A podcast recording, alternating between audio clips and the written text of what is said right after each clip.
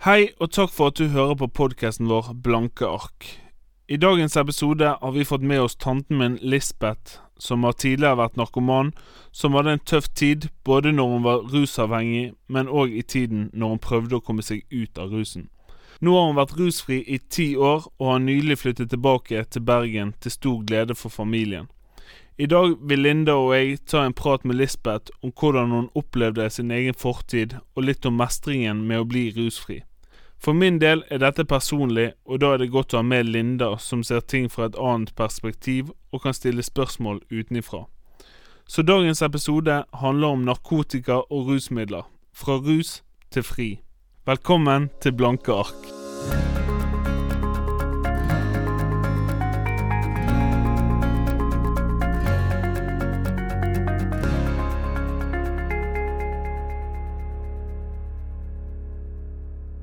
Nå sitter vi i studio alle sammen. Hei, Linda.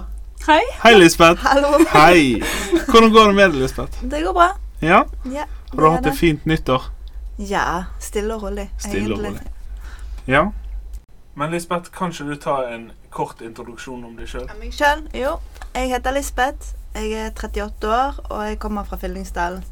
Jeg begynte tidlig å henge i byen, og så tok jeg en utdannelse der jeg jobbet som frisør i en frisørsalong, og så gikk jeg en dag i uken på skolen. Og der jobbet jeg fra jeg var fra 2001 til 2005. Og så jobbet jeg etterpå i en herrefrisørsalong for å ha dette med barbering og gutteklipper og sånn. Og tok fagbrev på det. Eh, men det var egentlig der tingene begynte å, å sklidd litt lenger ut enn det det var gjort før. Så da Hvor gammel var du da? Da var jeg 20. 20. Mm. Ja. Og hva var det da som begynte Altså, det som var, da, sånn egentlig eh, Når jeg var 16, da gikk jeg på Laksevåg videregående. Og da hadde jeg egentlig hengt i et miljø ganske lenge der det var mange som ruste seg. Men jeg var liksom litt sånn Siden jeg var ny og jeg var ung, så passet de på en måte på meg. mm. Så de lot ikke meg begynne sånn med de, på en måte. Men når jeg gikk der, så var jeg forelsket i en fyr som jeg visste røykte. Så da Hva røykte han? Han røykte hasj. Hasj, ja. Ja.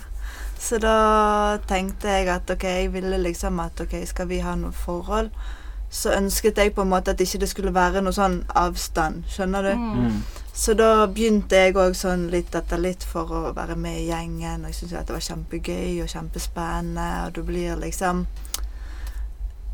Hvordan skal jeg forklare det, da? Rusen den gangen var på en måte ikke sånn at du ble aggressiv, sånn som du hører om i dag, men, men da var det på en måte mer den peace and love-følelsen, sant? Der du Mm. chillet den, vi hadde munchies, og, Mm. og vi pratet og lo. Og drev med sånn som dette, selv om ikke vi hadde mikrofoner, så satt vi hadde sånn show. Mm. Ja, så gøy, så kjekt. Ja, det var super Ja. superkult, egentlig.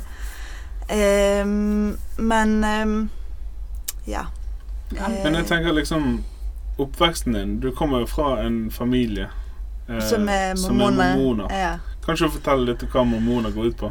Um, mormonene er vel en av de trossamfunnene, eller en av de religionene, som i utgangspunktet um, har et veldig strengt liv. Med strengt liv så mener jeg at de har mye regler for hvordan de mener er rett å leve. Eh, som at ok, du skal ikke ha sex før du gifter deg. Eh, du skal ikke være samboer. Du skal ikke drikke alkohol. Du skal ikke drikke eh, ting som er stimulerende, ikke energidrikker. Du skal ikke røyke, ikke, ikke te, ikke kaffe.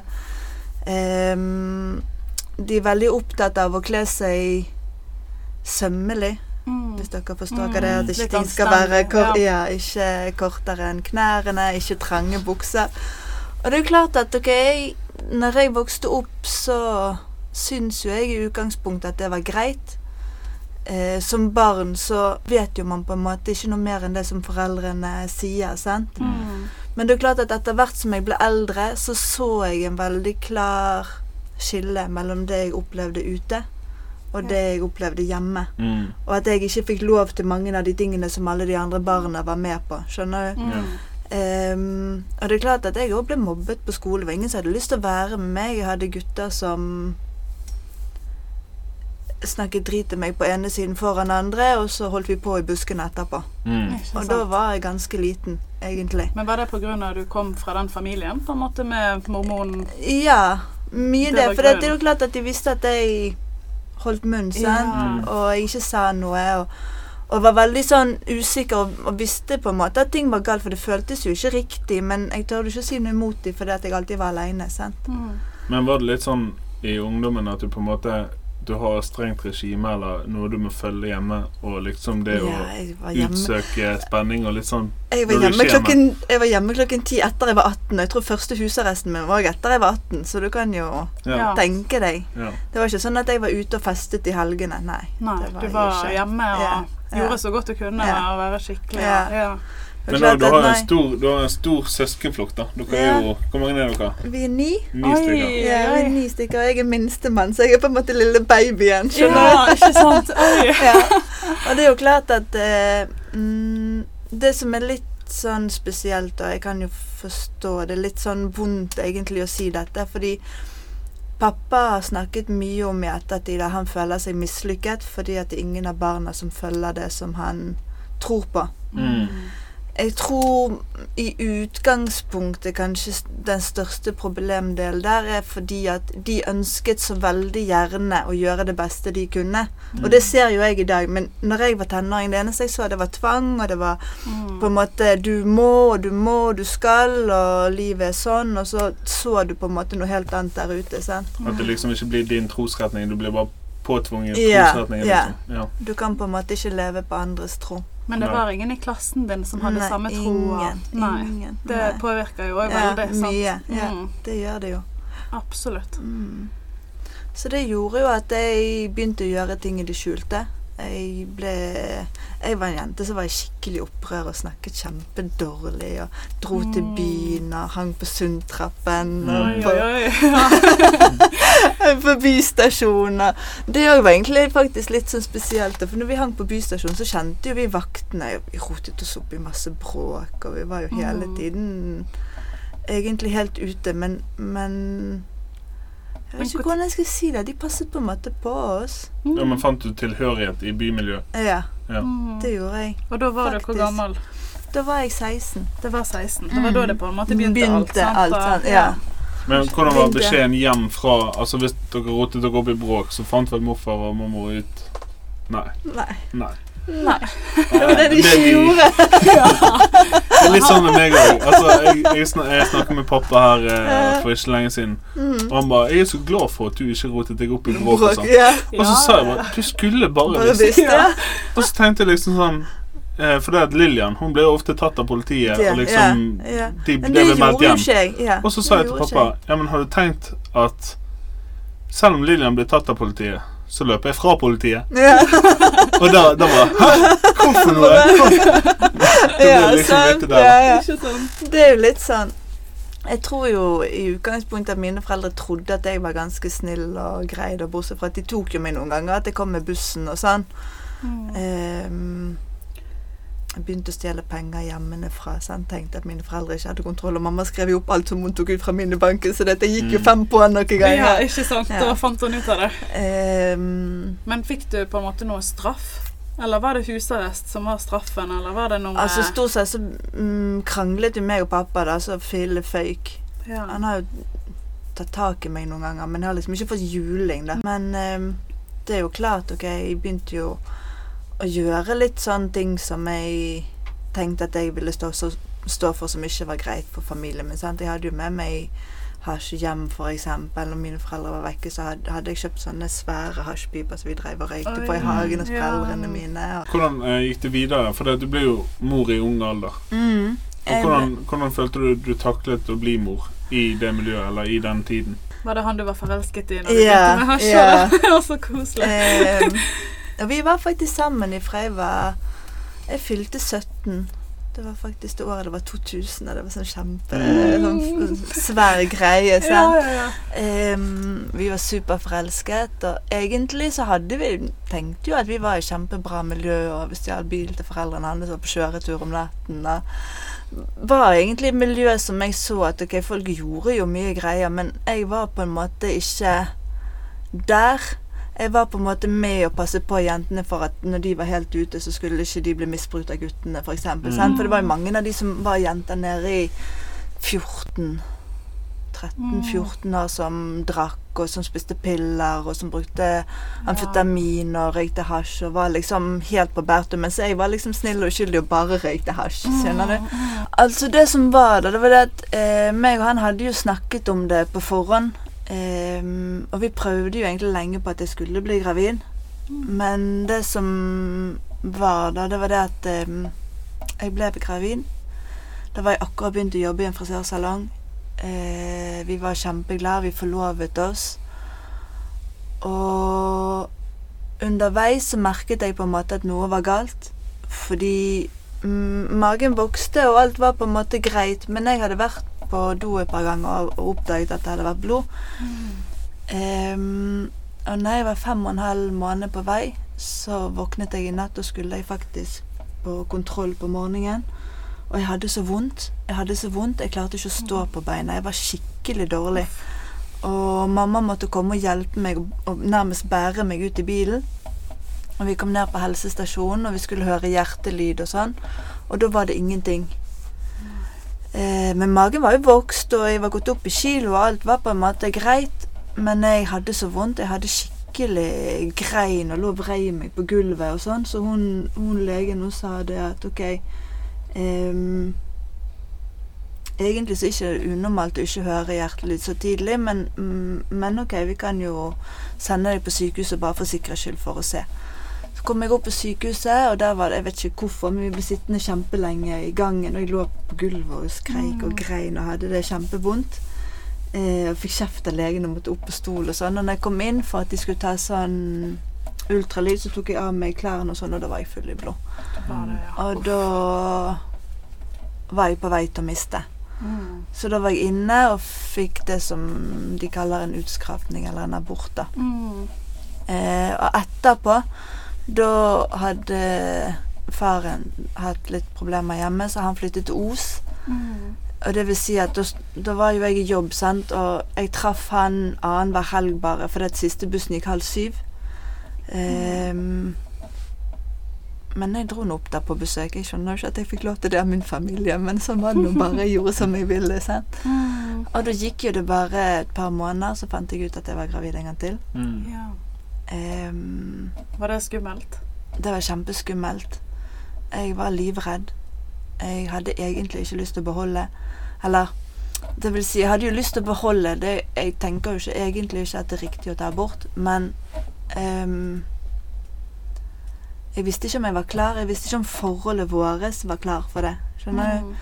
Fordi vi bodde så langt fra hverandre. Vi hadde mange ting som ikke var greit. Eh, Du følte begynt- gjerne at du ikke var på riktig sted i livet Mm, til å nei. få barn? Nei, jeg var ikke det. Um, Men det for... var Men situasjonen mellom oss var på en måte det som var verst, skjønner du. Mm. For vi var på en måte mer separert. Vi hadde ikke den tilliten. Vi klarte ikke å snakke ut om ting. Vi hadde ikke den åpenheten lenger som vi hadde hatt før. Mm. Og han begynte å gjøre ting uten meg, på en måte. Mm. Og det er jo klart at egentlig, hvis en person er normal i hodet, så er jo det på en måte greit.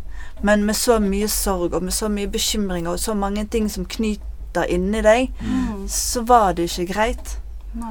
Ehm, men jeg var jo livredd for å miste han da. Jeg var livredd for å liksom miste støtten fra familien, så jeg valgte å beholde barnet. Mm. Jeg begynte i ny jobb og hadde akkurat vært på jobbintervju sant? og måtte komme og fortelle du, unnskyld, men jeg er faktisk gravid, og det var jo ikke akkurat helt meningen dette her. Men, men hun som var sjefen der, hun ble kjempeglad. Hun ba ja, men dette er bra, og vi skal hjelpe deg, og det er ikke noe problem i forhold til jobben og sånn. Mm. Så jeg fullførte svangerskapet, og da klarte jeg faktisk å slutte å røyke. Mm. Jeg røykte ikke hasj, ikke sigaretter engang. Jeg var jo fortsatt med gjengen, men det var på en måte ikke det samme. Jeg var på en måte mye mer i ro. Mm. Veldig morsomt at små, sm- små jenter kom og holdt meg og fulgte meg over veien fordi jeg hadde mage og sånn. Skjønner du? Det var liksom Men litt sånn Ja, jeg bare lurte litt hvis du Følte du at du sklei litt fra gjengen når du ikke røykte og du på en måte var Både ja og nei. Egentlig ja, så gjorde jeg jo det. mm. Jeg gjorde jo det samtidig som jeg anstrengte meg på en måte for å fortsette å være en del av det. Men det var jo ikke det samme. Nei, Nei. det var det ikke. Og det er klart at jeg bodde hjemme. Eh, så når jeg fikk han, så ble jo det helt annerledes. For det selv om mamma var der hele tiden eh, Og det gjorde jo at jeg kunne begynne jobb igjen etter seks uker. Mm. Eh, fordi hun hadde jo hatt ni unger, så hun hadde jo masse erfaring. Hun var god. ja. Eh, som gjorde at jeg Men det var gjorde til at jeg måtte være hjemme på kvelden etter at han var gått og lagt seg. Eh, og da var jeg på en måte ikke, med i gjengen lenger. Nei.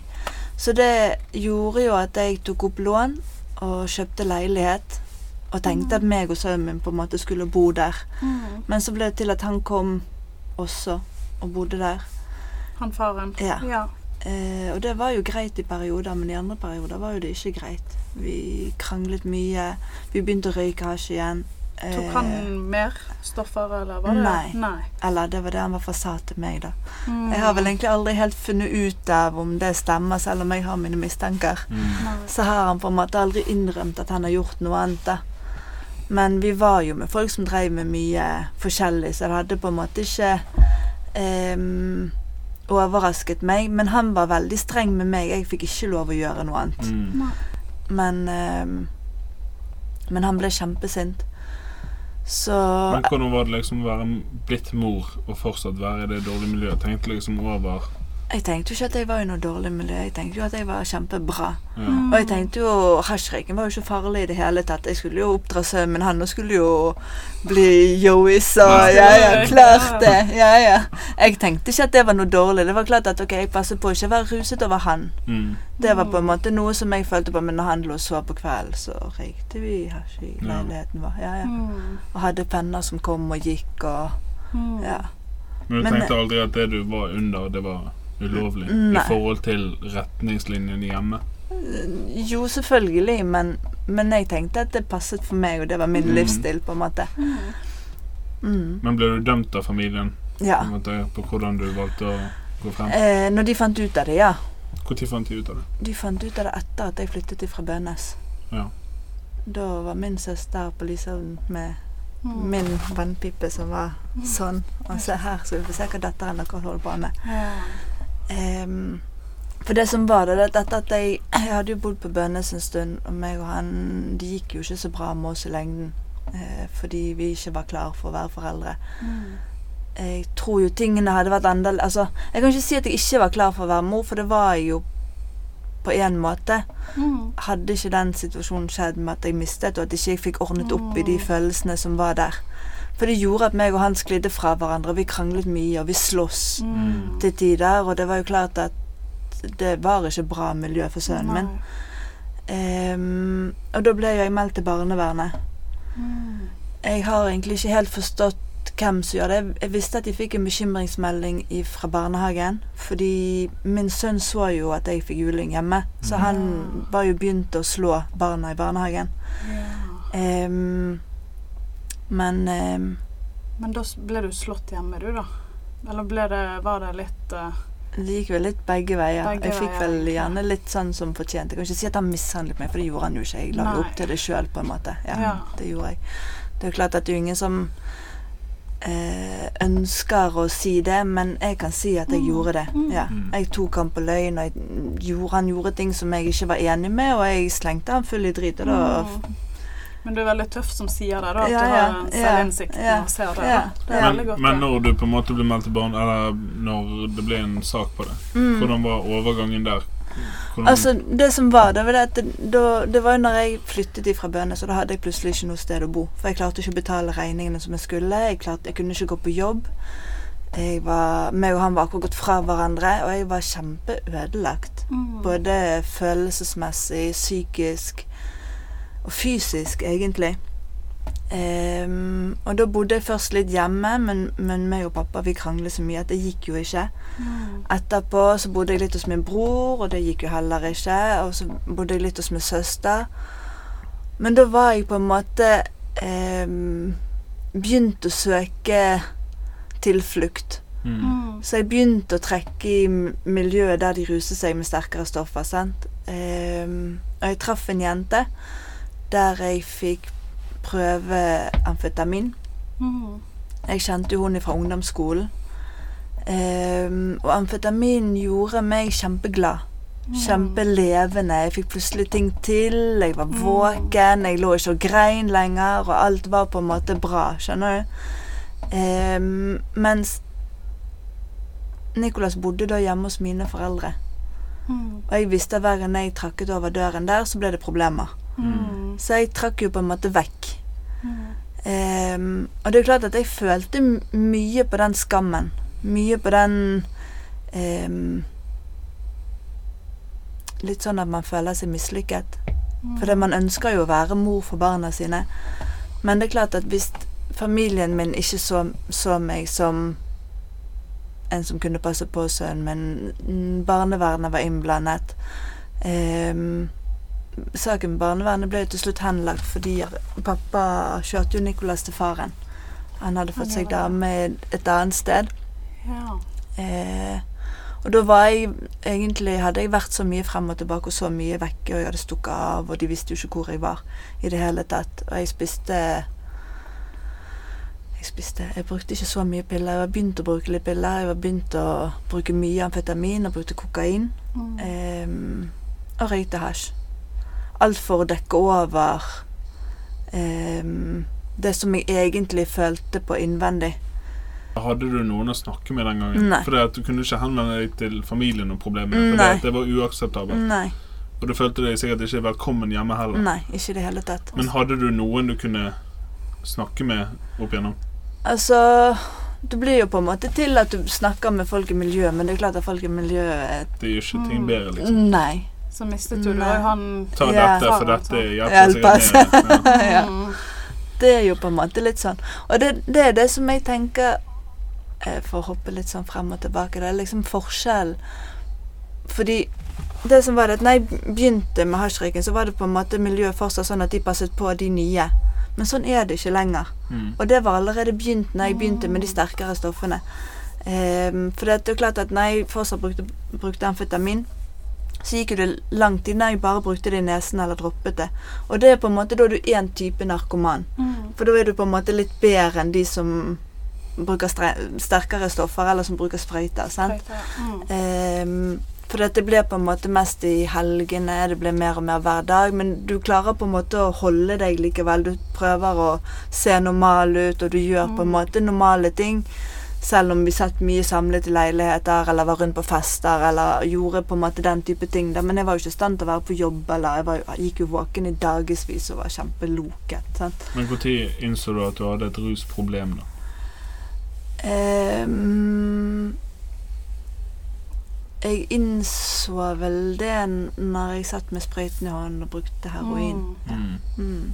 For hvor gammel var du når du begynte med amfetamin? Hvor, når det Nei, begynte? 25. Ja. Og Ja. Satt du plutselig med sprøyten i hånden? 26. 26, så det gikk ganske Det fort. gikk kjempefort. Det, Mm. det gjorde det. For det, det kicket på en helt annen måte. Jeg begynte, begynte å trekke opp i det som var Nygårdsparken. Mm. Um, og det fra å gå og bryte alle mm, barrierer for de tingene som du har gjort, til å se de tingene som du ser der oppe, det, det gjorde noe med en. Og jeg hadde kjempebehov for å bli akseptert, jeg hadde kjempebehov for å bli sett, jeg hadde kjempebehov for å ønske å være noen. Mm. Fordi at jeg hadde vært så mange år der jeg ikke hadde vært Altså som jeg hadde følt meg som søppel. Skjønner du? Mm. Um, og det er klart at å innse at man har et rusproblem, det er jo egentlig ikke et problem med seg sjøl, fordi rusen bruker man bare som et topplokk. Mm. Skjønner du? Rusen er på en måte bare for å, å rømme ifra virkeligheten. Men så var det veldig mye sånn at folk de som sitter i det, de tenker medisinen sin. Mm. De tenker Det er det de tenker. 'Å ja, stakkar, jeg jeg er syk, og jeg Ja, må ha min neste, neste fiks'. Mm. For det som er med heroin, med heroin så blir du så apatisk og så avhengig. For jeg begynte jo med heroin rett på sprøyter. Jeg begynte ikke liksom å gå gradvis med å ta det enten det mange som nesen gjør det? Det er noen som gjør Ja. det, men ikke alle. Nei. Nei. Men det er på en måte Og det er jo fortsatt veldig stor variere i dag fra det å bare bruke piller til å bruke heroin, på en Mm. måte. Men, men merket du stor forskjell med din på en måte dine opplevelser når, fra du gikk fra amfetamin til heroin? Ja, Merket kjempe. du i Kjempe. positiv grad, eller Ehm, nei, for man blir jo mer avhengig, sant. Da Ja. blir det på en måte at hele livet dreier seg om neste, neste fiks. Det er Mm. liksom ingenting der imellom. Det er ikke noe 'Hei, hva skal vi gjøre i dag? Skal vi ta en tur på byen og gå på kafé?' Eller. Nei, da var det på en måte ingenting sånn. Da, da dreide alt seg om å være i, i parken.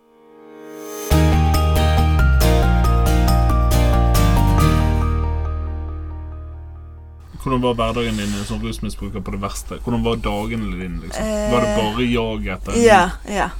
Kun det.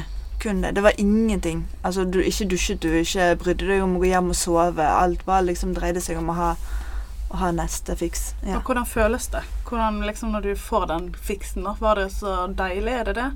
Mm, Det var sikkert veldig raskt.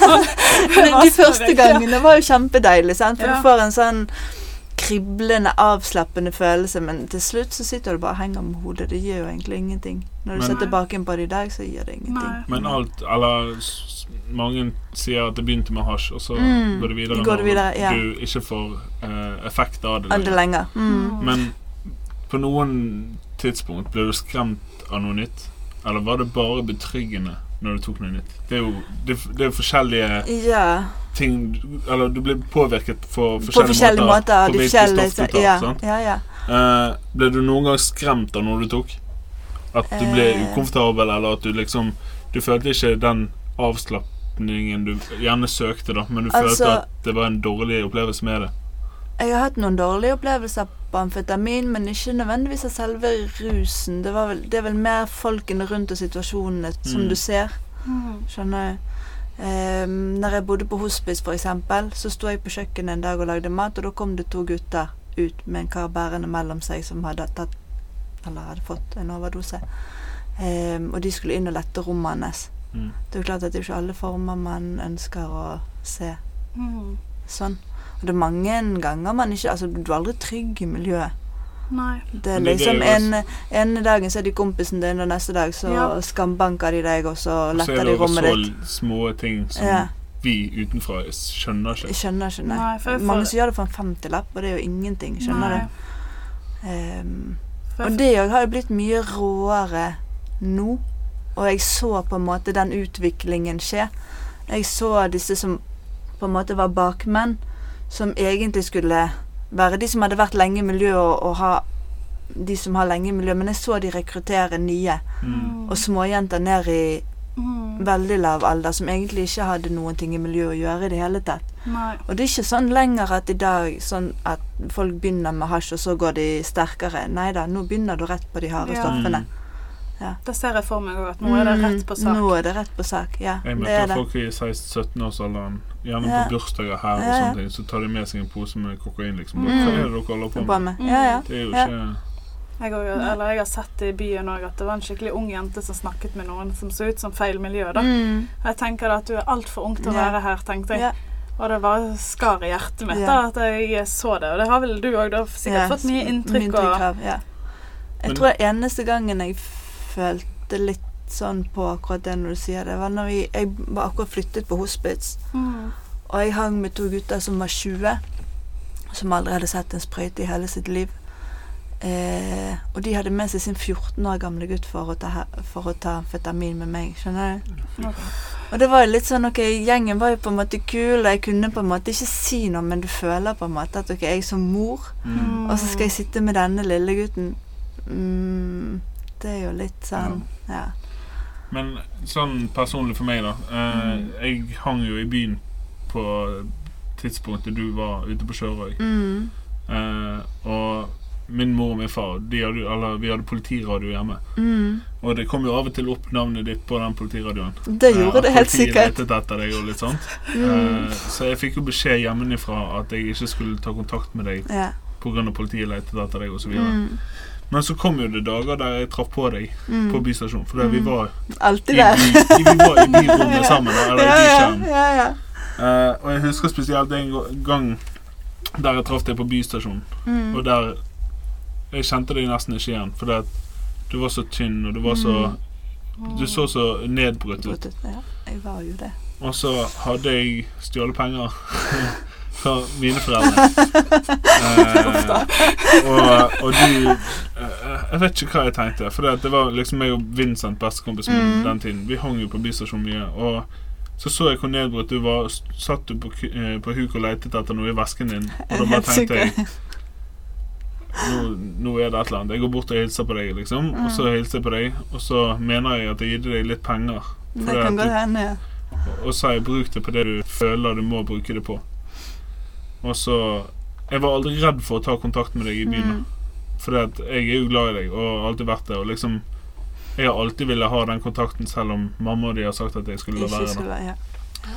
Men hvordan Hvordan Hadde du fast bopel, eller bodde du fast på hospits? Eh, jeg har jo bodd på litt forskjellige hospits. Jeg havnet jo egentlig på hospits fordi at jeg hadde fått juling. Mm. Ehm, og det var jo også før jeg begynte å bruke sprøyte. Det var jo på en måte der jeg ble introdusert i, til det. Ja, så Mm. hospits hadde nesten en dårlig virkning på deg, det. For det, ja. da fikk du mer tilgang, Ga- Ja, egentlig. selvfølgelig. For der er samla jo de alle det er Like barn liker best, og så Ja. blir de plassert på ett og samme sånn, sirkus, og ja. så er det ja. Det som er, da, mm, hvis jeg kan få lov å si det, det er at på grunn av at staten ikke ønsker at folk skal få hjelp Det høres jo kanskje veldig frekt ut å si det, men det er det jeg mener. Mm. Fordi når du kommer til Nav ehm, og sier at du på en måte er narkoman, så er det sånn 'Å ja, men stakkar deg', og da er det klart at vi skal hjelpe deg. Og så blir du enten plassert på et hospits, eller så får du en sånn kommunal leilighet. Og så bygger de på en måte noe rundt deg for at du liksom skal ikke lage bråk, og du skal ikke ehm, Det finnes ikke noe håp for deg, det er ikke noe vei ut, så det er klart at vi skal bare pakke litt sånn rundt deg, og så kan du gjøre som du vil. Mm. Og hva skjer da? Jo, da, gjør da skjer akkurat det. Du- Like barn leker best, og så samler du alle de på et hospits. Og da Mm. blander de de som er super inni det, og som er egentlig hardt ute å kjøre, og som bare tenker på sin egen overlevelse. Og så dukker det opp en som meg som ikke har peiling i det hele tatt. Mm. Og hva gjør du da? Nei, når du søker tilflukt et sted, så ryker du mer inn i det enn å søke deg ut av det. For sånn? Ja. Ja. For jeg jobbet jo eller jeg jobbet som skadesanerer den gangen. Og da Mm. fikk vi mange utrykninger til både fengselet og Mm. på ute i Arna på Lokketone, eller hva det heter. Mm, Eh, på hospitset der. mm, Og da var det sånn en som hadde tent på leiligheten sin, yeah. Og så skulle vi gå gjennom og kaste det som var boss og sånne Mm. ting. da. Mm. Og han var hjemme Ja, tenk. og skulle gjennom alt av hans verdisaker. Og Ja. alt har en verdi for han, selv om det er jeg ser på det Som, som boss. boss, ja. Så ikke det for han. flasker, det var alt fra sånne små eh, panner av Ja. aluminium. Men, ja, det er der du koker heroin. Ja. Ja, Og alt sånn tenkte jeg det er boss, det er boss. Ja, Og så kommer han og truer meg på livet, så det måtte stå tre vakter og passe tenke- på meg når jeg bosset tingene hans. Ja, ja. Du kan tenke deg da, for, det, for han, han ser jo bare friskmeldingen sin. Du, du kaster den, men oppi der så ligger det kanskje en dott, og hvis han ikke har penger til neste Mm. fiksen, så kan han koke den om igjen. Sant? Så for han er det friskmelding. Ja. Ja, ikke Sant? sant. Det tenker, tenkte sikkert ikke du på. Nei, det var jobben min. Men uh, ja, det var skumle tider det der. For Ja. to uker etter jeg var der, så var det en som ble knivstukket der, liksom. Ja. Så da, da var det Ja. Da var det Men, og sånn var det jo. Sånn, Mm. sånn er det jo det. Når du bor på sånne steder, så er det- på en måte kompisen din en dag, og neste dag så Mm. mm. slår de deg ned, eller for å lette rommet ditt for å se om du har noe som de har lyst på. Har du blitt eh, slått av de, og har du opplevd dårlige ting med det Eh, ja. miljøet? Ja, ja. Hva er det verste du har opplevd? Om jeg kan spørre? Eh, Det- Det verste Altså, som jente i miljøet så er det vel verste seksuell misbruk. Men jeg har også blitt knivstukket, for Ja. Ja. Hvor da? I foten. I foten. Ja. Og hvorfor ble du det? Fordi at jeg klatret inn vinduet til han som jeg bodde med, og da satt en jente oppå han. Oi, Ehm, helsike. Og så så jeg på han, så jeg bare du, men unnskyld, jeg skal bare hente tingene mine, så skal jeg gå. Dere kan bare fortsette. Det gjør ikke oh, meg noe. Ja. Men jeg tror hun ble redd, da, for det, jeg tror de hadde tatt noe som var litt, litt sånn. Ja. Så når jeg For det, det så var det, jeg var jo frisør, som Mm. jeg sa, sånn, så jeg skulle liksom bare opp og hente saksene mine, jeg, for at jeg skulle klippe hun i underetasjen, for vi var der og var helt Ja. på trynet. Mm. Eh, og da Husker du jeg bodde, når jeg bodde i Ibsens gate, i det grønne Ja. huset? Så hadde jeg funnet meg en benk og klatret opp på vinduet i andre etasje og inn vinduet. Når jeg tenker på det i dag, så skjønner ikke jeg at jeg var i form til å klare egentlig i det hele tatt å komme meg inn vinduet. Eh, og hun kjerringen ble dritsur, så jeg snudde meg, og da fikk jeg et glass etter, etter hodet mitt. Skjønner du, ser på. Hva i all verden er det du holder på med? Hva er det du tror du er for noe? Så begynner hun å se liksom febrilsk rundt. sant? Og de bare Nei, vi skal ikke gjøre noe. vi skal ikke gjøre noe. Men jeg driter vel i hva dere skal gjøre. Mm. Og plutselig så står hun da med en kniv inn i låret mitt. Så jeg ser på kniven, og så ser jeg på hunden, og så ser jeg på kniven, så drar jeg ut kniven, så står jeg sånn med henne. Og Hun løper ut Ja, løper. og stikker, stikker, stikker av, vet du. Og jeg steik forbanna, og blodet renner, og han løper etter, og jeg tenker OK, hva er dette for noe? sant? Så jeg begynner å Mm. gå gjennom alle ting, og begynner å rive, begynner å pakke tingene mine, og går helt i dørken, Mm. og våkner etterpå av at to menn bærer meg ut av sengen. Og jeg liksom febrilsk Hva er det dere skal? Dere får ikke lov å røre meg, sant? Mm. Um, og kommer utenfor, og da står det to politifolk og holder han som jeg bodde sammen med. Mm. Eh, og det står en haug med politibiler opp utenfor. Flere skulle inn og gjennomsøke rommet og sånn. Og jeg ble kjørt opp på Haukeland. Men du rømte jo fra Haukeland, gjorde du ikke?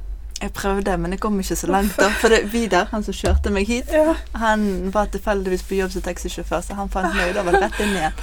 herre min. Men, hva var det du tenkte når du tenkte dette er ingenting, jeg rømmer? Jeg er Men det- knivstukket, Ja, men det så var det vel at de sa at det, det, det stikker mitt, sant. For jeg hadde jo ikke følelse i foten. Og de sa at det kunne være ganske alvorlig. At det kunne hende at de måtte gjøre noe med foten min. Og jeg tenkte jeg skal ikke miste foten min, jeg skal ikke amputere. Det kan du bare Mm. glemme. Og da stakk jeg. Men, men det verste er jo at jeg husker jo ingenting fra da jeg lå på sykehuset. Har Ingen peiling. Men familien min har jo vært der. Mm. Jeg lå der oppe jeg vet ikke hvor mange dager. Og etterpå så går jeg rett tilbake til han som Ja. jeg var sammen med. Men var det trygghet der? Var det, hva, hvorfor jaktet du tilbake til det? Tok du aldri liksom hintet at ok, nå går det langt, jeg har blitt knivstukket? For, for det første så syns, var jo jeg såpass sint at jeg ville jo vite hvorfor han løp etter hunden. Det var det som var Mm. problemet. Syns jeg var knivstukket, hvorfor i helvete stakk du etter hunden? Mm. Men jeg var jo på en måte glad i han, så for meg spilte det ikke noen rolle hva som var skjedd. Så lenge han ba meg om unnskyldning og sa at det var ikke meningen, han ville på en måte bare ta tak i hunden, så var jeg kjøpt. Ferdig med det, Ja. liksom. Ja. Mm. Men jeg Jeg syns det er synd på han. Det var å måtte ned igjen og vaske rommet etterpå. ja. Vaske veggene og Men jeg husker òg i den tiden der, altså mm. i konfirmasjonen min gjerne, husker du det? Nei. Nei. Nei, da trenger jeg ikke gå inn for det. Jo. Eh, for det eller konfirmasjonen min var egentlig ganske kjip, fordi at det var familiekrangler generelt. Og så kom du innom For jeg visste jo at du var glad i meg, og jeg hadde Mm. møtt på deg i byen i de samme årene. Mm. Men du kom jo ruset i, Mm. i uh, konfirmasjonen min. Uh, og det satt en demper, for jeg så at du var nedbrutt, og du hadde ikke det Mm. bra. Mm. Og så satt du der og spiste, og jeg bare Hva skjer, liksom? Og så forsvant du igjen ganske fort før vi fikk snakket. I det hele tatt. Ja. Så da, jeg følte at Hvorfor er det ingen som tar tak? Hvorfor er det Mm. liksom ingen som velger å støtte opp om Og jeg så mormor og morfar. Ingen, ingen tok tak i deg, liksom. Det var Nei. noen som snakket med deg, og liksom så bort på deg. På deg, men det var liksom ikke Nei. noe Jeg tror det som var det Mange av de hadde vel egentlig prøvd. Jeg tror det var mange av de som ringte til Burken mange ganger. mm. Fordi at ikke de visste hvor jeg var henne. Men det var litt det som gjorde at jeg ikke ønsket å ha noe sted å bo. Og jeg aldri hadde telefon, eller aldri tok telefonen. Fordi at for meg så var det så stor barriere og vise hvor gale det egentlig var med meg. Mm. Jeg ville på en måte ikke at de skulle se meg på mitt verste. Mm. Selv om jeg på en måte tenkte at jeg kunne komme hjem og late som ingenting. Men det var jo gått så langt at jeg kunne jo ikke late som ingenting lenger. sant? Men er det noen gang du har oppsøkt familien for å låne en sofa, eller liksom prøve å Nei, få hjelp? aldri. Du har Da aldri hadde, søkt hjelp? nei, aldri. Aldri. Da ville jeg heller gå gatelangs. Mm. Eller være hjemme hos folk som jeg visste var farlige, på en måte. Men når du var på det verste, da, var det sånn at du alltid hadde et sted å være, eller var det sånn at du var ute om natten og liksom natten. sov ute? Og, Jeg sov ute. På vinteren òg, eller? Mm. Uff. Er det noe du tenker tilbake på den dag i dag av og til, eller er det Ja, det er jo klart at jeg gjør det. Um, men det er jo viktig å si at det, min, det var min stolthet. Det var meg som valgte det. Mm. mm, Altså Man kan jo alltid gå på et herberg eller Mm. eh, på et hospits, eller det er alltid noe man kan være hos hvis man absolutt vil det, på en måte. mm, Um, men det var mange ganger jeg var redd. Jeg hadde, når jeg hadde den kommunale leiligheten, f.eks., så hadde jeg hatt så mye innbrudd og så mye knekk i den leiligheten at jeg tørde jo ikke å være der. mm, Og derfor bodde jeg mm, hos andre på hospits, f.eks. Mm. Um, så det er jo klart at eh, jo da, mange bor på gaten fordi de har ikke noe annet alternativ fordi de er så skjørt. Mens jeg ønsket det på en måte. Jeg ville jo ikke gå hjem. Jeg tror det var på mitt verste når jeg var sammen med Kjetil, så var det tre, to eller tre ganger mamma de kom og handlet mat til meg. mm. Eh, men det var ikke så lenge før jeg valgte å få hjelp. Nei. Mm. Men før vi går inn på hjelpen og det, da. Mm, Eh, mm. sånn som når du skulle ha stoff og forskjellig, Mm. hvordan var det økonomisk? Nei, altså enten så lurte du noen, eller så solgte du, eller så fikk du jo hjelp. Men det å få hjelp på en måte, at du kunne få låne eller krite varer, så må jo du alltid gjøre ting for å Ja, har du gjort eh, ting du ikke er så stolt av. Ja, selvfølgelig. eller at du Ja, Ja. for det er jo ja. kanskje litt i Mm. Siden du er jente òg, da, så Ja. er man vel ekstra utsatt for Ja, å bli misbrukt på den måten, da. selvfølgelig. Det er jo klart. Mm. Eh, Men solgte du noen gang? Mm, dop? Ja. Ja. selvfølgelig. Det var det jeg Mm. gjorde mest. Det var sånn du tjente penger til Ja. ditt eget? Ja, Mm. stort sett. For det at jeg Jeg tror det er kun to ganger jeg har solgt kroppen min. Mm. For det at jeg tenkte aldri sjøl at jeg var noe deilig som jeg kunne gå på kaien og si 'her er jeg', og kjøpe Mm. meg, på en måte. Um, men jeg fant jo fort ut at når du først gjør det, så bryr ikke guttene seg om du er deilig eller ikke. De vil bare ha det de vil ha, og ferdig, liksom. Mm. Eh, men det er mange jenter som selger seg. Ja. Og det er guttene de som pusher mest på, for det er så lettjente penger. ja, for jeg tror at jeg hadde sett for meg at det var lettjente ja, penger hvis jeg var i det miljøet. ja. Altså. Jeg tror at jeg hadde Ja, Ja. ja da. Det Og For meg var det kjempe Altså, jeg forstår jo det i dag, men jeg kunne ikke skjønne hvordan jenter kunne ha kjæreste, og så gikk de og solgte seg på kaien. på en måte At det på en måte var greit for typene. For meg var det helt banalt. Mm. Men da jeg ble bekymret for deg, da jeg merket at jeg var bekymret Det var Mm. kanskje den gangen jeg møtte deg i byen, og så ble meg og en kompis med opp til deg og Kjetil. Ja. ja. Og, satt, eh, og dere satt og ryste dere. Mm. Og jeg var litt skremt av det. Og da var ikke jeg på det verste Nei. enda. Nei. Men jeg var, ikke, jeg var vel ikke så langt unna. Jeg var, jeg var jo begynt med heroin og sånn. Um, da brukte vi heroin foran deg, eller brukte jeg bare amfetamin? Jeg tror det var amfetamin. Ja. Men hvordan eh, Vi kan snu over til noe positivt, da. Ja. Stakkar. Du Jeg, tenkte, jeg visste ikke helt om jeg skulle dra med meg, for det husker jeg. Jeg husker du var med Ja. opp. Ja. Nei, men altså vi, På Jeg den tiden der så visste jo etterpå, vi egentlig alt. Vi visste alt som var å vite. Vi Ja. så jo gjeng Eller Ja, gjengen ja, vår. ja, ja. Vi, vi hadde jo tilgang til alt vi ville ha, vi Mm. òg. Mm. og Vincent har jo i ettertid eksperimentert og gått den veien sjøl. Veien, ja. Og vært innom. Men, Mm. eh, men ja, du har en sinnssyk historie i forhold. Mm. Og du var dypt i greiene. Og Mm. liksom Å se deg gjøre det, det Eller å bli med deg, det var bare gøy. Det var spenning. Det var ting og ting. Men å mm. se deg gjøre det, og se hvordan du ble påvirket, det var det, som som skremte meg, tror jeg. Mm. Og så samtidig så Med tanke på dødsfallet til René, det var jo i etterkant, da. Men, Mm. uh, men jeg har jo alltid lovt han å ikke dope meg. Mm. Uh, det er bra. Ikke at jeg har holdt det. Nei, det er derfor jeg Jeg kom har kommet hjem, vet deg- du det? Er derfor jeg egentlig har kommet hjem, vet Ja, du det? ja, å ja, det er derfor jeg- jeg skal passe på meg. men, eh, men ja, eh, hvis vi går over til noe mer positivt, da. Hva var det som var vendepunktet ditt å søke hjelp? Du dro til Spania. Hva var det som var trigger, triggeren der? Der- Hva var det som hjalp deg til å ta det Mm. steget? Han siste som jeg var sammen med, han er død og begravet i dag, så da føler jeg at jeg kan snakke egentlig ganske fritt. Mm. Um, jeg ble jo sammen med han fordi at han skulle la Kjetil være i fred. Som var din andre kjæreste? Som, Ja.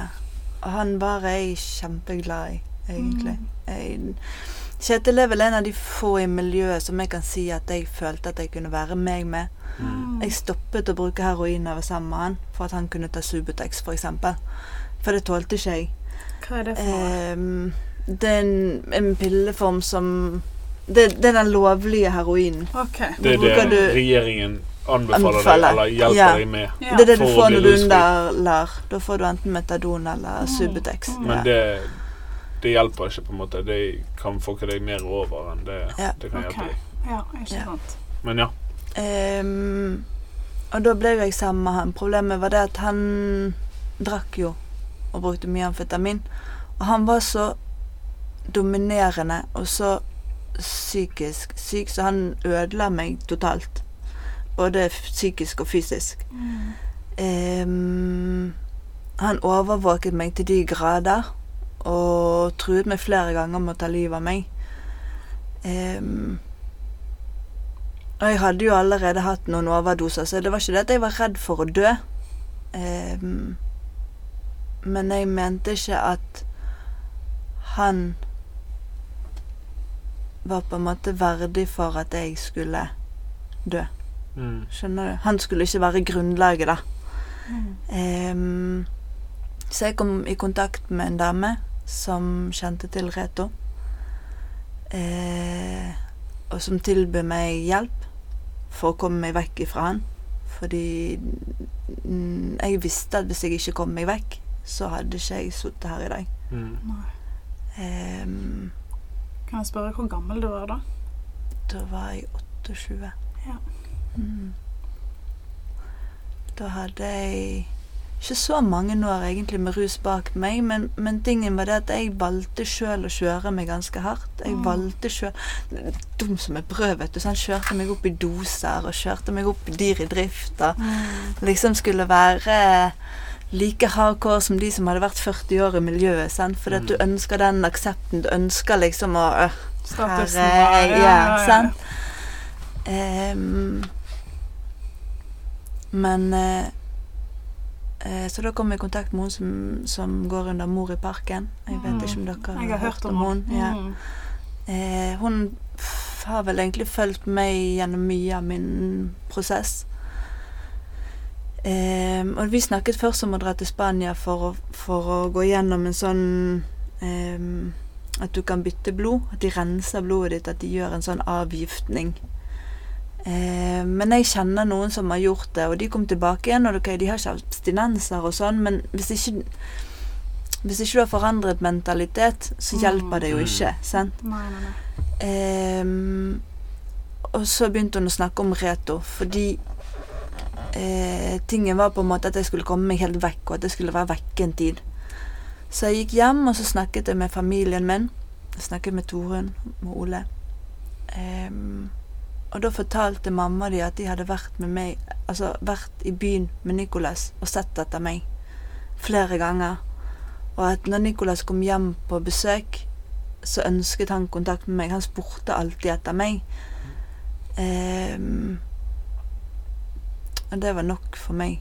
Mm. Da var jeg villig til å ta tak. Mm. Hvordan eh, finansierte du turen til Spania? Turen var med meg. Så det var hun som betalte turen, tror jeg. Og hun pakket koffert med klær Mm. som hun hadde kjøpt. For jeg kunne ikke gå hjem og hente noen Nei. ting. Når jeg, Første gangen jeg kom hjem for å fortelle at jeg hadde lyst til å bli fri, så fikk jo jeg juling så det sang etter. Jeg kom meg ingen steder. Eh, så Torunn inviterte meg på middag. Mm, og han på en måte for at jeg liksom skulle ha kontakt med familien, for at ikke de skulle se på han som dårlig, at det var han som liksom holdt meg i miljø og sånn. For han visste jo hvordan han behandlet meg. Eh, så fikk jeg lov å gå. Og jeg Mm. skjønner jo egentlig ikke hvorfor det, for den natten så dro vi jo. Mm. Da hadde vi akkurat vært og, og handlet heroin. Um, jeg hadde truffet en fyr på veien, så jeg hadde delt med han, så jeg hadde ikke så mye som jeg trodde at jeg egentlig skulle ha. Eh, og kom ut der, og hun bare 'Ja, men nå har jeg ordnet billetter, og vi har ordnet pass', og nå skal du til Spania, på en måte. Mm. Og du husker jeg sier OK, men skal jeg skylle deg her ned i do, Og Hun bare nei, nei, nei. Vent til du er Vent til morgenen, og så kan du ta det du skal, og så kommer vi oss på fly. For hadde jeg vært dårlig, så hadde jeg aldri kommet meg av gårde. Nei. Nei. Ikke sant. Ehm, og da kom jeg til Spania. Og min søster var jo med til Spania. For hun ville jo se hva jeg kom til. Mm. Vi trodde jo først at jeg skulle komme til sånn nonnehus eller kloster eller noe. Liksom. Ja, ja, ja. Men det i Spania, var det noe religiøst hjelp? Ja. Var det Ja. ja da. Det er jo en Det, er en, det som var det, Reto er en kristen organisasjon som ble startet av et ektepar Unnskyld. Som hadde vært i Mexico som misjonærer. Eh, som følte et kall fra Gud om å dra til Spania. Og de dro egentlig dit uten mål og mening. Det var mm, et ektepar med tre barn, tror jeg. Eh, og mens de var rundt for å gi brosjyrer med, med evangeliet og sånn, eller med, med bibelvers og sånn, og snakket med folk på gaten, så kom de i kontakt med en som var i super eh, desperat etter å få hjelp. Så de valgte å ta han hjem til seg Mm. og skulle hjelpe han gjennom abstinensene og, og prøve å liksom lede han til et nytt liv. Mm. Og så fikk han et møte med Jesus og ble frelst og fikk et nytt liv, og sånn bare balte det på seg. Og nå så er Reto i 33 land, Ja. forskjellige kontinenter. Mm. Mm. Det er jo kjempebra, da. Ja. At det gir effekt, og at det hjelper. Mm. Ja. Vi er jo her i dag, Ja. så det er jo kjempebra. Ja. Men hvordan var hverdagen din i Spania? Hvor lenge var du der? Jeg var ett år i Spania. Eh, og det er klart at jeg kom til et hus der det bodde 40 jenter. Jeg som aldri hadde hatt noe med jenter å gjøre. Oi, ja. Det er ikke eh, så det var jo greit. Jeg kom til Det er klart at det var vanskelig, for jeg kunne jo ikke språket. Mm. Eh, det var veldig strengt. Jeg var kjempedårlig sant, de første dagene. Så bare det å koste halvparten av dette rommet, så lå jeg og sov en time på Mm. sofaen etterpå. Jeg var jo helt skjørt. sant. Mm. Eh, og tiden med abstinenser er jo grusom. Mm. Men Eh. overgangen til å bli rusfri, da? Var det sånn at du hadde et- Nei, Subutex, eller Ingenting. Ingenting, Jeg stoppet med stopp. alt. Ja, Alt. Alt. Ja. Ha Jeg fikk ikke lov til å ha med meg røyk engang. Jeg var egentlig veldig sterk røyk, så spiste jeg bagetter. Men fikk du noe motivasjon da? På en måte, Hva var det som gjorde at du faktisk ikke fikk et tilbakefall der? På en måte, eller At du klarte å gjennomføre det? Stolthet og viljestyrke. Ja, Ja. for det er virkelig eh, viljestyrke, altså. Ja. Jeg skulle ikke ringe og si at jeg ville hjem, selv om alle visste jo at jeg ville hjem. Mm. Jeg vil ville jo på en måte Men jeg, for meg var sønnen min det som på en måte var Mm. det viktigste. Mm. Mm. For det gikk ikke lange tiden her hjemme i Bergen når du var i Spania, at før du ble kategorisert som død og Nei. vekke og For du var ikke De hadde ikke sett deg, sant? Og de Mm. visste ikke hvor du var, og da var det liksom Da ble du død, da. Ja. Du hadde strøket med overdose, et eller annet. Et eller annet. Ja. Alle trodde du var vekke, i hvert fall. Ja. Hvordan vet du det? For jeg, for jeg hørte folk som var med deg den gangen på bystasjonen. De hadde sett deg. Ja. Og da spurte de, jeg spurte jeg, Nei, hun er vekke. Hun er, ja. hun er ikke Mm. blant oss lenger. Nei. Så det var sånn det er, på en måte. Så de tror det. Mm. Det er mange i dag som tror du er vekke, tror jeg. Mm. At du eh, ikke til deg. Men er ikke det litt godt å bare vite at de ikke Jo, oppsøker deg, og egentlig. at du bare Ja. har blitt Ja, ny på en måte. Ja, jo, Men, egentlig eh, så er det jo det. Men hva det var det jo- som var overgangen fra Spania til Norge, da? Altså du kom hjem igjen? Grunnen til at jeg kom hjem igjen, var for å ha kontakt med Nicolas. Ja. Mm. Fordi etter at jeg hadde vært der i et halvt år, så var jo mamma eh, med min sønn og besøkte meg en uke. Ja. Eh, og meningen var at jeg skulle komme hjem etter et år. Det var på en måte det som var avtalen.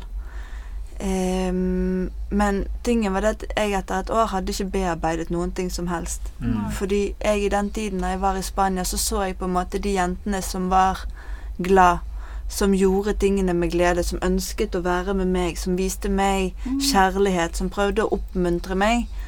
Men jeg husket jo det livet som jeg hadde hatt. Jeg hadde mareritt flere netter om at jeg, ting som jeg hadde opplevd, og ting som jeg hadde sett, og ting jeg hadde vært med på å gjøre mot andre, eh, som jeg ikke er så veldig stolt over. Som gjorde at jeg bare lukket meg mer og mer inn i min egen boble. sant? Eh, Så når jeg kom tilbake igjen for å ha kontakt med sønnen min, eh, så ville jo jeg på en måte hjem, men jeg visste at hadde jeg dratt hjem da, så kunne det ha gått bra, men hadde ikke jeg hatt sønnen min, så hadde jeg gått rett tilbake til de Mm. gamle vennene mine. Ja, ja, for jeg kjente jo ikke noe annet. Mm. Jeg var i utgangspunktet ikke klar for noe annet heller. Hvor lang tid tok det å bli rusfri før du følte at det ikke var et behov lenger? At du klarte deg uten? At jeg klarte meg uten. Mm. Um, altså fysisk sett så går jo det Jeg vil si at kanskje tre måneder før kroppen på en måte slutter å riste og slutter å ha på en måte disse Men ehm, Jeg hadde jo mitt møte med Jesus når jeg hadde vært ett og et halvt år nesten. Mm. Ja. Og for meg så var det det som ble avgjørende. Mm. Fordi ehm,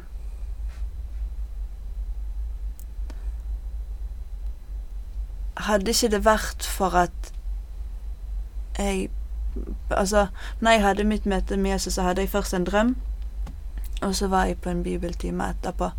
Og den drømmen den gikk ut på at min fortid skulle være fortid, Mm. og at jeg skulle se fremover. Mm. Um, og når jeg kom på en bibeltime dagen etterpå, det var søndag, og påske, og noe sånn typisk eh, Første påskedag når, vi feirer med påskeegg, at Jesus har stått opp og, Mm. og disse tingene. Så hadde vi et, en bibelgruppe der som jeg var i behandling, og da fortalte de som var ledere, de fortalte om en dame som hadde vært i en bilulykke mange år tidligere. Men sønnen hennes satt i rommet, sant. Mm. Um, og det var bursdagen hans. Han var syv, han fylte syv år. Og de var tre jenter som skulle dra på et sånn loppemarked som de hadde i Spania. Så de kjørte lastebil. Ehm, og det var hun som var le på en måte leder, og så var det en, en jente som var skygge, og så var det en ny jente i midten. Og for å gjøre den historien litt sånn kort, da, så hadde de kjørt av veien, og bilen hadde jo veltet, sant. Og når bilen veltet, så hadde hun som var skygge, og hun som var leder, de hadde Kroppene deres hadde på en måte lagt seg rundt hun nye jenten, så det var ingen av de som overlevde, bortsett fra hun nye jenten. Mm. Ehm, og for meg så ble det som en sånn bekreftelse på den drømmen som jeg hadde hatt om at ok, du må dø av den personen som du er, Mm. for at du skal klare å gå videre og gå frem. Og jeg eh, følte inni meg at all den skammen som jeg hadde hatt, all den, alle de tingene som jeg hadde gjort, alle de folkene som på en måte hadde vært ja, Hvordan skal jeg si det ufine mot meg, Mm. for å si det fint? Eh, hadde jeg plutselig en kjærlighet for. Mm. Jeg syns på en måte Jeg forsto de, eller jeg, jeg kunne på en måte tilgi det som de hadde gjort mot Mm. meg. For at jeg følte meg ikke dårlig lenger. Skjønner du? Mm. Eh, og da visste jeg at da var jeg ferdig med å ruse meg. Mm. Det var klart at Jeg, kunne jo, jeg hadde jo på en måte bestemt meg for at jeg ikke skulle ruse meg før det. Men jeg visste at ok, når jeg luktet det på gaten, så var det sånn åh, det lukter jo godt, sant. Mm. Altså du får liksom litt den Mm. allikevel. Jeg har jo, hender jo fortsatt at jeg har drømmer om at jeg skal ruse meg, Mm. men jeg vet at det ikke gjelder den personen som jeg er nå. Du må tenke litt sånn som meg i russetiden. Hver gang jeg lukter Jegermeister, så bare Ja, jeg har fått nok av. Du må ikke tenke 'Å, det lukter godt'. Men det du på en måte sier, er jo at du på en måte har akseptert fortiden din. Ja. og Alt som har blitt Mm, gjort. Mm, Du sitter ikke med sinne. nei. Det er det at det har skjedd for en grunn. Ja, At du yeah. er her i dag for en grunn. Mm. At det er litt den. Sant? Mm, Ja, for jeg kjenner meg litt igjen i det. For jeg òg er veldig sånn Folk som Ikke det at jeg har opplevd så Mm. fæle ting, eller Mm. at folk har vært så ufine, da. mm, Men det er noe med å på en måte folk som har gjort meg vondt. At jeg har tenkt at de har gjort det fordi at de er de, yeah. og de har hatt sine ting. ting. yeah. Men jeg Mm. er den jeg er i dag. Mm. Takket være de, sant? blant annet. Sant? Og snu det om til noe positivt. Positivt, at du er akkurat her du er i dag, fordi du skal være her. Mm. Mm. Som følge av alt som Alt har som har skjedd. skjedd, sant? Ja. Mm. Er det litt sånn at du føler òg? Ja. ja. Mm.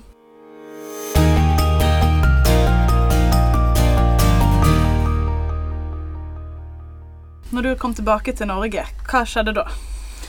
Um, jeg var jo fortsatt under samme senter, sant. Mm. Jeg var jo samme stiftelse. Så det, det jeg kom tilbake igjen, var jo bare en ny hverdag med mindre hus.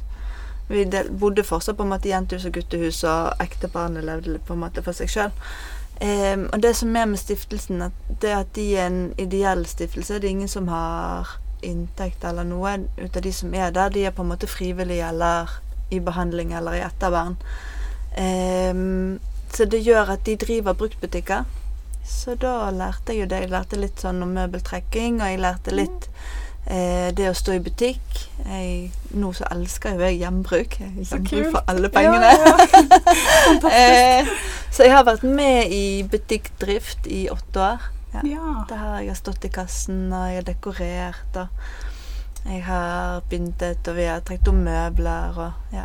Men hvor fikk dere alle de tingene fra? Det Det er jo folk som leverer til butikken, fordi Ja. at de ønsker å være med og støtte en god gjerning, sant?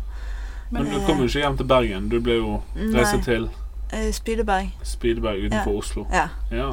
Det er en bitte liten sted utenfor, utenfor Oslo. men det var, var- det var sikkert litt deilig, der, Og Ja. kanskje ikke komme rett til Bergen, kanskje. Ja, egentlig så var det jo det. Eh, for det, det er jo som jeg sier, hadde jeg kommet tilbake nettopp da, så hadde jo ikke jeg vært klar for det. Ehm, og det er klart at etter at jeg hadde min opplevelse, gjorde jo at jeg ønsket å gi noe tilbake inn til stiftelsen. Mm. Så det å på en måte være i butikken og bruke den eh, biten for å snakke om livet mitt og for å være eh, Ja, få snakke med andre som ikke har gått igjennom samme situasjon, eller som har gått igjennom samme situasjon. Vi var mye på gaten for å gi brosjyrer og snakke med folk i Oslo, f.eks. Um, og det er jo på en måte et aktivt eh, senter. For det som de ønsker, da det, det som er vanlig Nå har jo ikke jeg vært på noen andre sentre, men det som jeg har fått høre, da det er at mange av de sentrene er jo på en måte folk som er på jobb. Sant? At det blir på en måte ni 9-4-jobb, at de skal være der og passe på noen narkomane. Og så flyter det på en måte egentlig mer Mm. narkotika der enn hva de gjør andre steder. Men det gjør det ikke hos oss. For det, for det første så er vi så avsidesliggende, og de som kommer, er på en måte eh, innstilt på at det skal være vanskelig. De er innstilt på at de skal av. Um, og det er jo klart at ok, det var jo ikke um, det som man kaller en 9-4-jobb. Vi var der 24-7 for de som kom inn. sant? Mm. Og hjelper de gjennom abstinensene fordi at vi har gått igjennom det samme sjøl. Mm. Eh, og vi kunne gå ut på gaten og snakke med de som ruser seg, fordi vi kommer fra rusmiljøet og vet Mm. hva de går igjennom. Eh, Men jeg har aldri skjønt det konseptet. For det at i begynnelsen, når du flyttet eh, til eh, Oslo, eller utenfor Oslo, da, mm, mm. da, da skjønte jeg ikke det. For det at jeg fikk et sånt inntrykk at det, det var en sirkel du gikk i. For det at ikke tjente du penger. Nei. Du fikk liksom Du gjorde jobben og fikk et sted å bo, og du fikk mat. Ja. Men maten var gjerne var Ja. ikke- ja altså, du kunne lett spise utgått mat. Ja. ja, ja. Og det var for meg litt sånn rart. Bare sånn Ja, men hva er det du jobber for? Du, du tjener ikke penger til å leve for. Og du, du bare jobber for å ha en sirkel rundt deg. ja. Til å le, liksom At dagene skal, skal gå gå opp rundt, sant. Ja. Ja. For meg ga jo det mening fordi at jeg syntes det var gøy å være med i butikken. Og jeg kunne bruke den muligheten for å snakke med folk og fortelle dem om mitt liv.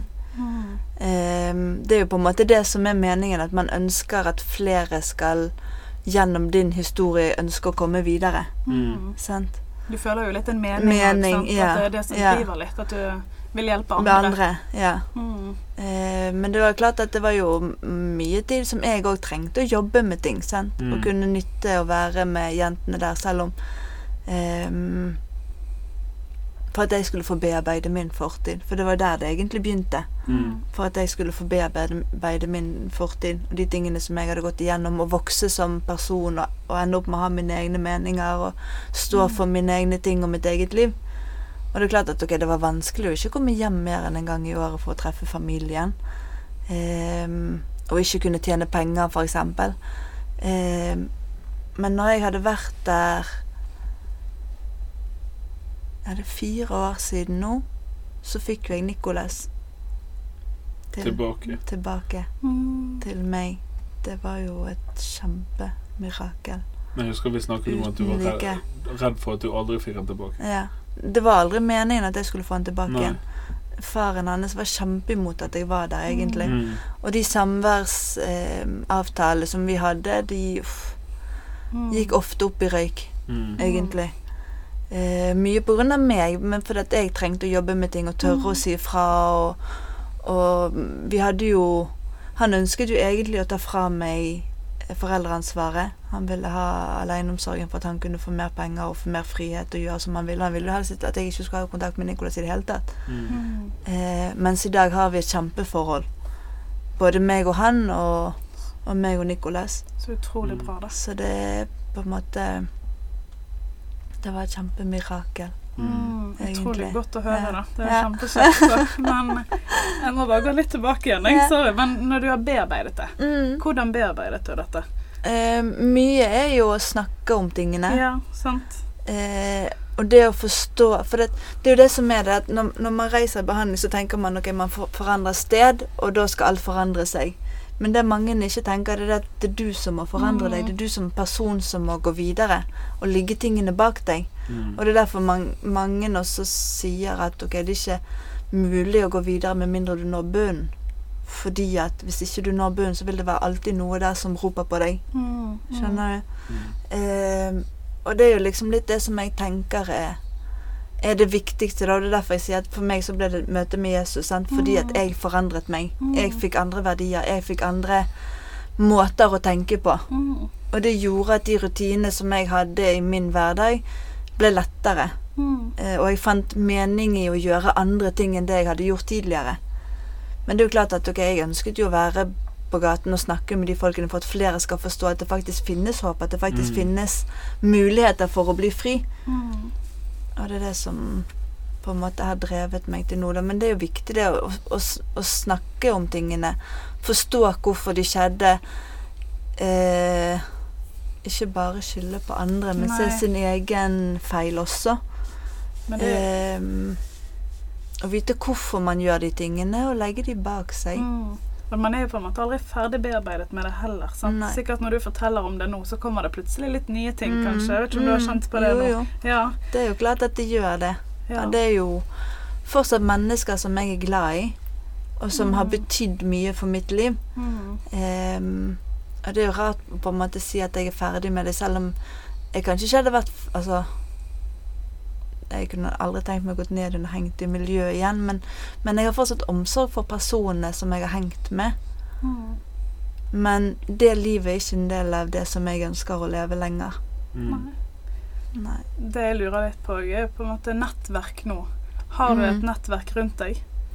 Altså, der er jo fordelen i å ha stor familie, da. Ja, det vil jeg tro. Ja. Eh, Men hvordan er det nå å komme tilbake til Bergen, og hvordan er det liksom eh, familien for nå kontra det han var før? Altså når du var rusmisbruker?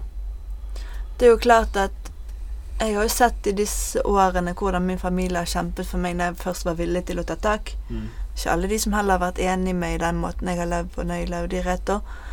Um, men de er der 100% nå og backer meg, og det betyr mye. Mm. For jeg kommer på en måte hjem på bar bakke og ikke har noe nettverk, Mm. Og skal på en måte begynne på nytt igjen. Og det hadde nok ikke vært like enkelt hvis jeg ikke hadde hatt de. Nei, for det, Nei. jeg føler du begynner fra scratch. Du begynner akkurat som å komme ut Ja. fra fengsel etter Ja. en stor dom, på en måte. Ja. For det, det har gått mange år Mm. der du ikke har vært i omkretsen i, her i Bergen. Nei. Mange av de du hang med den gang, er mest sannsynlig vekke i dag. Ja. Mm. Eh, og selvfølgelig du treffer på kjent fjes kanskje innimellom, men Mm. å se hvor de er i dag, det er jo ja. Mellom himmel og jord. Men Det er jo akkurat det. Men det som er greit, da, nå siden det har gått så lang tid, så føler jeg at jeg trenger ikke å gå hjemme meg lenger. Nei. Jeg kan på en måte komme tilbake med senkede skuldre. Skulle jeg treffe noen, så er det på en måte det. Mm. Skjønner du? du er litt som skulle tro at du har vært vekke i mange år. Altså Vi har fått noe som heter smarttelefon og sånne ting som det. Jeg vet ikke om du er vant til sånne ting. Det var vel nesten kommet før jeg dro, men det var ikke Det var vel ikke Nei, det var ikke sånn som det er i dag. Nei, det er det ikke. Og jeg merker bare sånn som nå når jeg skal søke på jobb og sånt. Alt skal gå på nettet, og alt skal liksom Sånne ting var jo ikke jeg vant. Jeg var vant til å skrive ut en søknad og stille på, på døra på meg. Facebook. Ja. Nei. Nei. Har fått seg Facebook og eh, Snapchat og Instagram, og, så nå er det helt ny hverdag. Wow. Plutselig. Men da, ja, men nå er det i riktig retning der òg. Ja. Men det er jo en tilvenning. Men Ja. hvor mange år siden er det du kom tilbake til Bergen nå? Jeg kom rett før jul. i uka. Tuller du? Nei. Så du har vært på Østlandet, du. Mm. Hvor mange år nå? Åtte år. Og så var jeg ett år i Spania. Ja, for det er ti år siden nå. Mm. Sånn cirka, sant? Ja. Og det er utrolig. Det, er- det er en lang tid. Ja, det Men er føler det. du, føler Hvis du ser tilbake på de årene her siden du ble, tok tiltaket da, og reiste til Mm, Spania, Mm. så er du eh, Har det gått fort, eller har det gått utrolig sakte? For man føler gjerne når dager ikke strekker til, og du føler at Mm. ting Det har er vært kjipt. både òg. Så Det er er det både- sakte. ja. Ja. Ja. For det er jo klart at ok, det er jo som du sier, selv om man har en mening med livet, så, så er det vanskelige situasjoner man går igjennom. Mm. Og jeg har opplevd mye tøft. Mm. Både eh, mens jeg har vært på institusjon, og før jeg var på institusjon. Mm. Så det har på en måte veid opp, og man skjønner at det er det som gjør livet sterkere, på en måte. Um, så det har vært perioder der det har gått kjempefort, og det har vært perioder som har vært knalltøffe. Mm. Ja. Men hva er den utløsende årsaken til at du valgte å komme hjem nå? Det har jo alltid vært et fritt valg. Du har aldri vært Ja da, det har alltid vært et fritt valg, men jeg følte at nå var det min tid. ja. Jeg var på en måte ferdig der. Mm. Og situasjonen hjemme gjorde at det var ting her som jeg følte jeg var nødt til å ta tak i. Mm. Mm. Er det litt skummelt å være tilbake i Bergen nå? Det er litt rart, Ja. for jeg har jo på en måte forlatt alt som jeg har vært vant til. Mm. Ehm, så det er jo noen ting, det er mye følelser som ligger under der, men jeg er veldig glad for det. Jeg er veldig giret på å komme i gang og få Mm. søkt ny mening med livet. Mm. For Bergen er noe helt annet enn det du forlot. Altså. Forlot, ja. Altså, legevakten er ikke der legevakten sånn. Nei. Og hvis du går en tur på Nygårdsbakken, så møter du familier. Du møter ikke noen narkomane. Nei. Nei, jeg har Jeg har vært hjemme etter det, altså. ja, Vi, vi dro på jentetur i 2015, og da Ja. var jeg i undergangen der. det Ja. var det, ja. For Lisbeth eh, fikk vel hjelp rett før de stengte Ja. Ja. Samme halvåret som de stengte Ja. Det er noen år siden, det, plutselig. Mm. Jeg føler ikke det er så mange år siden, men det har Nei. gått. Og jeg, jeg er veldig sånn Hvis vi ser på det nå, da, så er jeg veldig glad for at du fikk hjelp eller stakk når du stakk. For det, Mm. det, ikke du Altså, det gikk jo ganske ned når de stengte parken. Det var Mm. mange overdoser, det var mange dødsfall Mm. osv. Så, videre. Mm. så hvor du hadde vært da hvis du var her under nedstengelsen, det vet du jo ikke jeg. Sant? Og det er mange andre faktorer som du har sagt. Du hadde ikke vært der den dag i dag hvis du Mm. ikke Mm. stakk. Sant? Mm. Så jeg er veldig glad at du stakk. Ja. Og nå returnerer jeg til Bergen til stor begeistring. ja, nå kommer jeg tilbake for å holde deg i ørene. Ja. Jeg vil se hvem som holder hvem i ørene. Det, det er helt greit. Du er ikke redd for å få det tilbake nå lenger? Nå er du sikker og trygg på deg sjøl og Jeg har veldig lyst til å si nei til det der. Mm. Jeg føler ikke at jeg er redd for å falle tilbake igjen. Og Nei. det var jo som jeg sa til deg, vi var jo tilbake i 2015 på jentetur for å gi Mm. brosjyrer og sånn. Og da traff jeg folk som jeg kjente, og de fikk helt sjokk. Ja. Um, og jeg satt og så på folk som koker og sitter med nål i armen og sånn, og det er ikke meg lenger. Nei.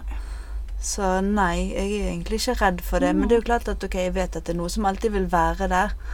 Og jeg er på en måte ønsker å være så bevisst på det. Mm. Um, men jeg tror ikke det, altså. Nei. Slik jeg har forstått Ja, deg, da. ja. Jeg har blitt litt kjent med deg nå. Ja. Så har du virkelig en vilje av stål. ja. Så jeg tror at hvis du bestemmer deg for det, så er det, Så er det ferdig. Ja. Så er det et kapittel i boken som er lukket. Ja. Og nå er det blanke ark. Så nå er det blanke ark i Ja. Bergen. Hæ? Mm. Men hva er planene fremover? Hva ser du for deg nå når du kommer til Bergen på bar bakke, blanke ark?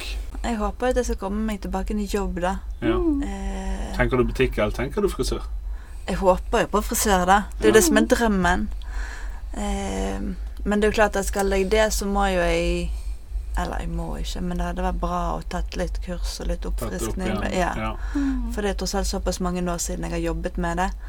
Eh, men det er jo det å prøve å bygge opp noe for meg sjøl. Finne en jobb og et sted Mm. å bo og begynne å trene litt og Mm. ja. gjøre litt andre ting. Finne deg en hobby og noe sånt. Ja.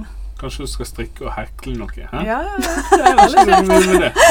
Linda, Linda er god på det. Jeg er veldig Ja. god på det. Oh. ja, men da skal jeg, da skal jeg hooke meg opp med henne. Ja, det ja, ja. hadde vært kjempegøy. Det er veldig ja. mye kjekt. sant? Og det er så utrolig mange hobbyer man kan gjøre. Matlaging, Ja. og gå tur. Bergen og fjell. Mm, det er Det- helt fantastisk. Neida.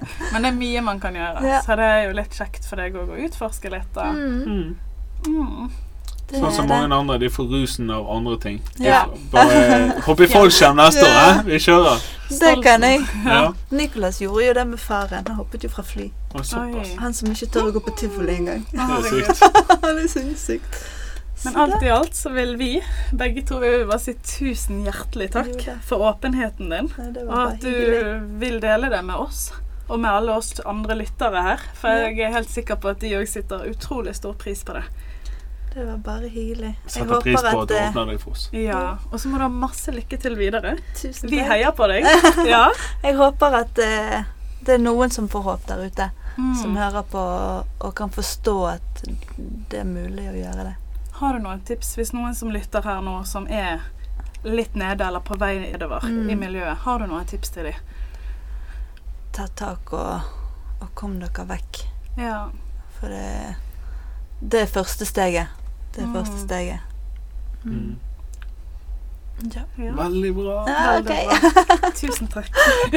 Ja, så For å ta en oppsummering her nå, så har vi da møtt Lisbeth, tanten til Laffe her, som har delt sin historie. Hvor hun har vært innom rusproblematikk og rusmisbruk i ungdommen eller ung voksen alder. Som nå har kommet seg ut av dette, og som ser framover. Så håper jeg dere har kost oss med å lytte til denne episoden. Så snakkes vi neste